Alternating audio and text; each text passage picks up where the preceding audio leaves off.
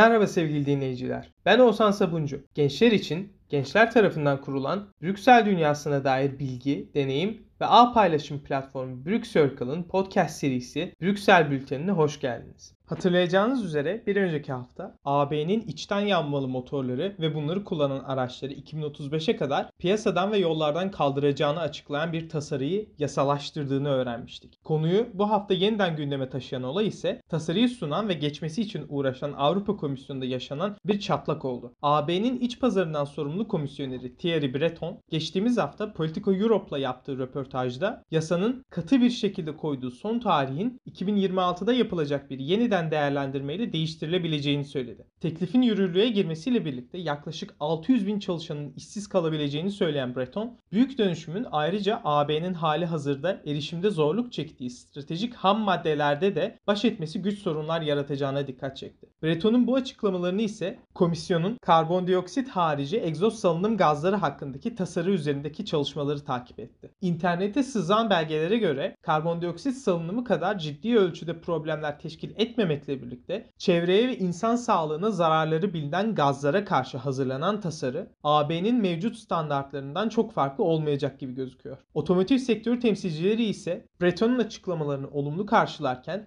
ve büyük ihtimalle Breton'un ifadelerinde büyük rol oynarken internete sızdırılan belge hakkında çok da mutlu değil. Kapsamlı değişiklikler yapılmayacaksa bizi uğraştırmasınlar yolumuza bakalım düşüncesinde olan sektör temsilcilerine Breton'un ne diyeceği henüz meçhulken komisyon içerisindeki yeşilcilerle sanayiciler arasındaki gerilimin hangi boyutta olduğunu ise henüz öğrenemedik. Tabii bu bahsettiğimiz gelişmelerde istihdam imkanları ve ham madde erişimi gibi konular büyük pay sahibi olsa da enerji krizinin ve AB'nin yana yakıla alakalı Rus gazına alternatif arama çabalarının da önemini unutmamak gerek. Sonuçta gündelik hayatta çok büyük yer tutan otomotiv sektöründeki üretim metotlarını baştan aşağı değiştirmek ve sektörü karbon nötr hale getirmek için elektrik kullanımının büyük ölçüde artırılması gerekecek. Bunun için de AB'nin bir şekilde enerji bulması lazım. Tam olarak da böyle bir denklemin içine denklemi sadeleştirme iddiasında olan ama şu ana kadar karmaşayı daha da fazla hale getiren bir adımla birlikte Almanya şansölyesi Olaf Scholz büyük bir Çin ziyaretine çıktı. Scholz'un ziyareti tahmin edeceğiniz üzere baya büyük tantana yarattı. Yine geçtiğimiz haftadan eminim ki hatırlayacağınız şekilde Almanya'nın Rusya'dan kopmaya çalışırken Çin'e fazlasıyla yakınlaşmaya başlaması ezeli rakibi ve ebedi dostu Fransa'dan büyük tepki çekmişti. Scholz ise buna rağmen Çin'i yeniden keşfetme amacıyla geçtiğimiz ay 3. kez devlet başkanlığına seçilen Xi Jinping'i ziyaret ederek Çin ile Almanya ve AB arasındaki işbirliğinin artırılması ihtimallerini masaya yatırdı. Ziyaretinden önce Çin'in güncel konumunu, otoriterleşme ve Batı dünyasından uzaklaşma eğilimlerini, Rusya'ya karşı açık açık tavır almak bir tarafa, ticari ilişkilerinin güçlendirilmesinin ne kadar sorunlu olduğunu ve Çin'e bağımlı hale gelinmemesi gerektiğini çok iyi bildiğini söyleyen Alman lider, tüm bunlara rağmen Çin'den tam anlamıyla kopamayacaklarının da altını çizdi. Scholz, ziyaretindeki amaçlarını değişen Çin'i daha yakından gözlemleyerek ona göre adım atmak, Rusya'ya karşı tavırlarını netleştirmelerini istedi istemek ve AB ve Çin arasındaki ticaretin hacmini ve kalitesini Çin'e bağlılık riski olmadan arttırmak olarak listelerken gerek AB'nin gerekse Batı'nın Çin'le ilişkilerini nasıl yürüttüklerini değiştirmesinin şart olduğunu söyledi. Alman şansölye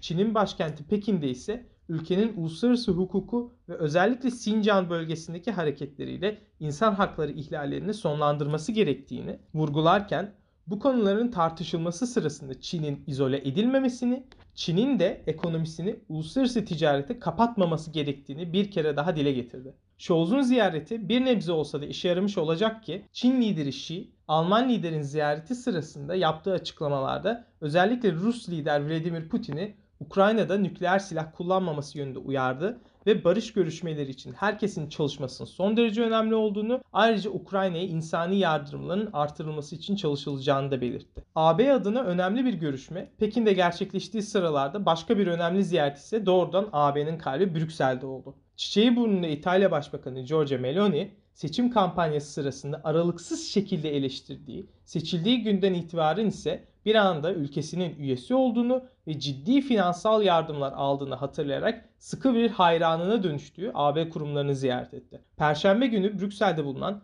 ve Avrupa Parlamentosu Başkanı Metsola, Komisyon Başkanı von der Leyen ve Avrupa Liderler Konseyi Başkanı Michel'le görüşmeler gerçekleştiren Meloni'nin ilk yurt dışı ziyaretinin Brüksel olması ise bazılarını tatmin ederken Meloni ve hükümetine endişeyle yaklaşanlarda ise şüpheler oluşturdu. İtalyan liderin ziyareti AB kurumlarından alınan bilgilere göre oldukça başarılı, dingin ve yapıcı geçmiş. Ancak kendisinin ziyaretler sonrasında yaptığı açıklamalara göre İtalya artık kendi çıkarları için çalışmaya başlayacak ve özellikle Covid-19 pandemisiyle mücadele için oluşturulan fonlardan kendi payına düşen kısmı ilk başta anlaşılan plan doğrultusunda harcamak yerine güncel öncelikleri için kullanacak. Meloni, Brüksel ziyaretini ziyadesiyle başarılı tamamlayarak birçoklarını tatmin etmiş gözükse de hükümetinde gerçekleşen bazı atamalar yeni liderin aşırı sağdan uzaklaşarak daha normal görünme çabalarını zora sokuyor. İtalya basında yansıyan haberlere göre Meloni kabinesine İtalyan faşist Benito Mussolini'ye açık açık hayranlık duyan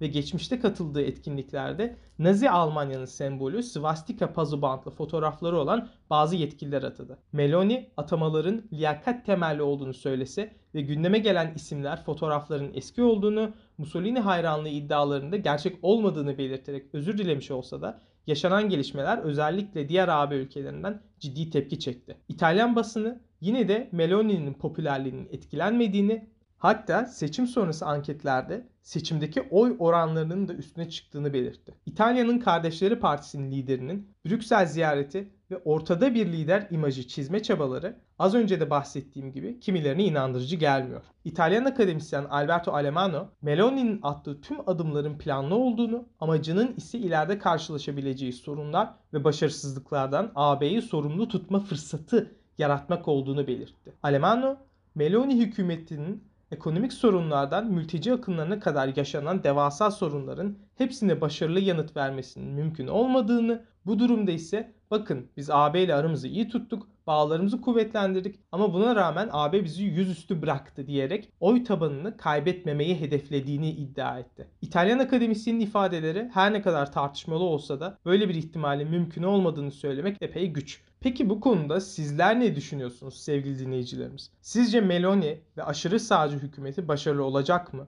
AB'nin ve Avrupalı kamuoyunun İtalya hakkındaki endişeleri yersiz mi çıkacak? Giorgia Meloni sadece seçilene kadar İtalyan halkının öfkesini kullanıp gerçekten daha AB dostu bir yol mu izleyecek yoksa Alemano'nun iddiaları haklı mı çıkacak? Düşüncelerinizi lütfen bizimle sosyal medya kanallarımızda paylaşın. Instagram gönderimizin altına yorumlarınızı bırakın. Yayınımızı da kendi sosyal mecralarınızda paylaşırken görüşlerinizi ifade edin. Biz de sizin fikirlerinizi gündeme getirelim. Brüksel bülteninin bir hafta daha sonuna gelirken biraz da komik bir gelişmeden de bahsetmek isterim. Amerikalıların coğrafya bilgisinin genel olarak bir hayli zayıf olması internette sıkça dalgası geçilen şeylerden biri. Geçtiğimiz haftanın sonuna doğru internette yayılan bir meme ise doğrudan bunun aslında bir iddia değil, bayağı gerçek olduğunu bir kere daha ispatladı. Bir internet kullanıcısının Photoshop'la İspanya ve Portekiz'in bulunduğu İber Yarımadası'na Lisenburg isimli hayali bir ülke eklemesi ve Avrupalı sosyal medya kullanıcıların ülkeye siyasi, ekonomik ve toplumsal içerik üretmesi Amerikalıların kafasını bir hayli karıştırdı. Tabi Avrupalıların Amerikalıların şaşkınlığıyla epey dalga geçmesi ise kaçınılmaz oldu. Siz de Lisenburg neresidir, kralı kimdir, ülkenin önemi ve konumu nedir gibi bilgilere erişmek ve coğrafi bilgi noksanı Amerikalı arkadaşlarınız varsa onlarla eğlenmek istiyorsanız linki yayınımızın açıklama kısımlarında bulabilirsiniz. Önümüzdeki hafta Avrupa'da oluşturulacak yeni ülkeden, Scholz'un bu sefer nereyi ziyaret edeceğinden ve daha birçok gelişmeden haberdar olmak için Brüksel bültenini ve Brüksel takip etmeyi unutmayın.